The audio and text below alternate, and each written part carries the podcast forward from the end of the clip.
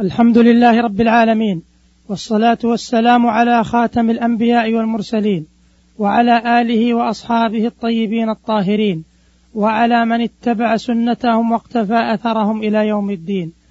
أما بعد فسلام الله عليكم ورحمته وبركاته. أيها المستمعون الكرام مر في حلقة ماضية أن من الأخطاء في باب التوبة غفلة الأمة عن التوبة. ومضى ذكر لبعض الذنوب التي يجب على الأمة أن تتوب منها. والحديث في هذه الحلقة إكمال لما مضى فمما يجب على الأمة في هذا الباب التوبة الإعلامية. فالإعلام في كثير من بلاد المسلمين يروج للرذيلة ويزري بالعفة والفضيلة فتراه يصب في, في قالب العشق والصبابة والترف والهزل ويسعى جاهدا لتضليل الأمة عن رسالتها الخالدة في قوامة البشرية والسير بها إلى مراقي الفلاح والعزة. فجدير بإعلام المسلمين أن تكون له شخصيته المتميزة وأن يكون داعية إلى كل خير وفلاح وواجب على كل إعلامي مسلم أن يتضلع بمسؤوليته وأن يدرك حجم الأمانة الملقاة على عاتقه. فهو يرسل الكلمة فتسير بها الركبان فله غنمها وعليه غرمها. أيها المستمع الكريم ومما يجب على الأمة في هذا الصدد التوبة من التقصير في الدعوة إلى الله. فأمة الإسلام هي الأمة القوامة على الأمم وهي الشاهدة على الأولين والآخرين والبشرية جمعاء بأمس الحاجة إلى هداية الإسلام.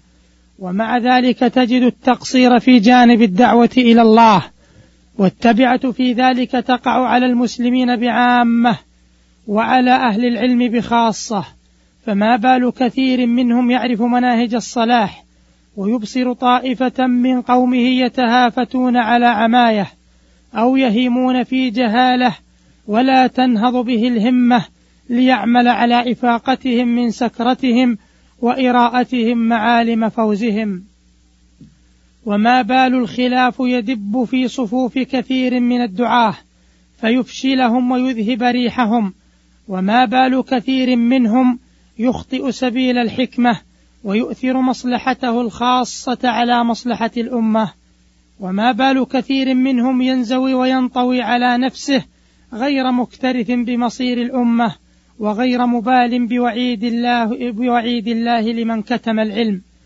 إن السكوت عن الدعوة جرم عظيم وذنب يجب على الأمة التوبة منه. ذلك أنه إذا انزوى العارفون بوجوه الإصلاح رفع البغي لواءه وبقي إخوان الفساد يترددون على أماكن المنكرات.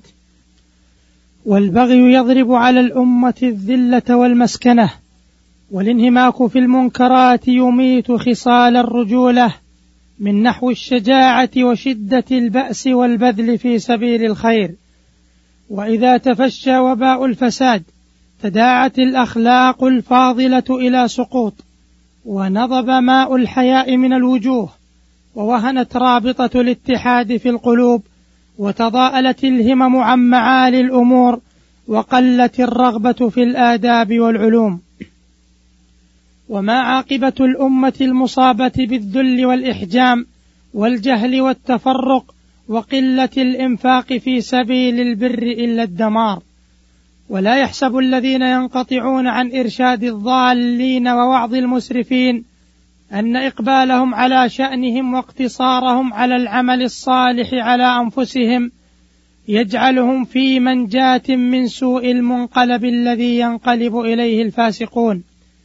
فالذي جرت به سنة الله في الأمم أن وباء الظلم والفسوق إذا ضرب في أرض وظهر في أكثر نواحيها لا تنزل عقوبته بديار الظالمين أو الفاسقين خاصة بل تتعداها إلى ما حولها وترمي بشرر يلفح وجوه جيرانهم الذين تخلوا عن نصيحتهم ولم يأخذوا على أيديهم.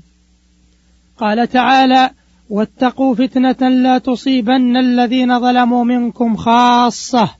وجاء في صحيح مسلم عن زينب بنت جحش رضي الله عنها قالت قلت يا رسول الله أنهلك وفينا الصالحون؟ قال نعم إذا كثر الخبث.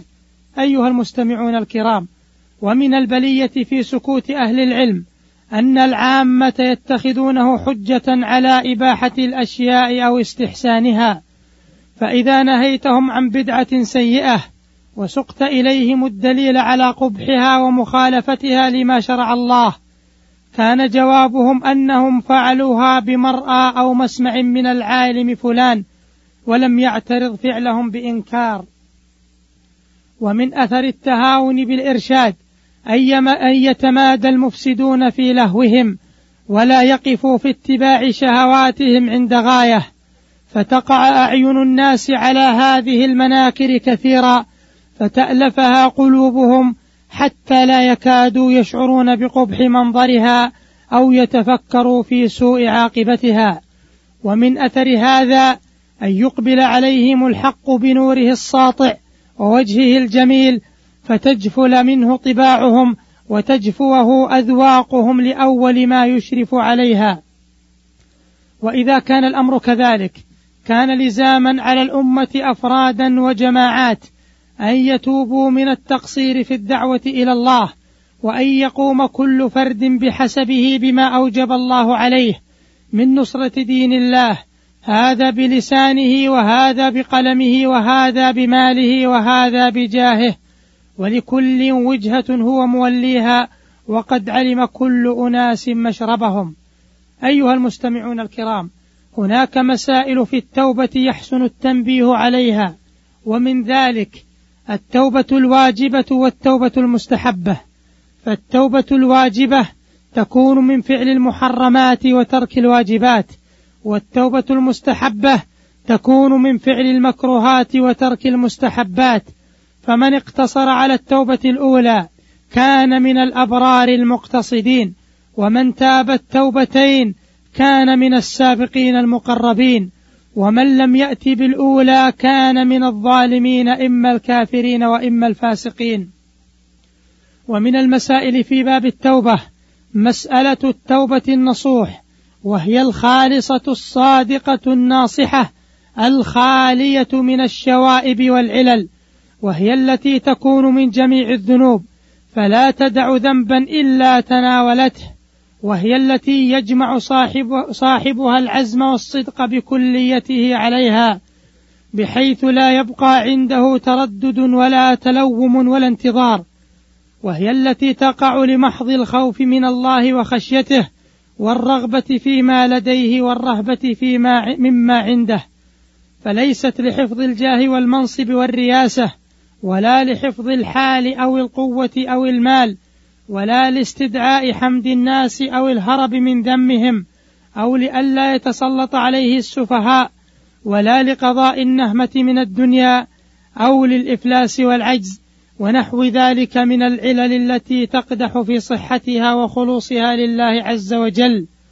فمن كانت هذه حالة غفرت ذنوبه كلها وإذا حسنت توبته بدل الله سيئات صاحبها حسنات وإلى لقاء في حلقة قادمة.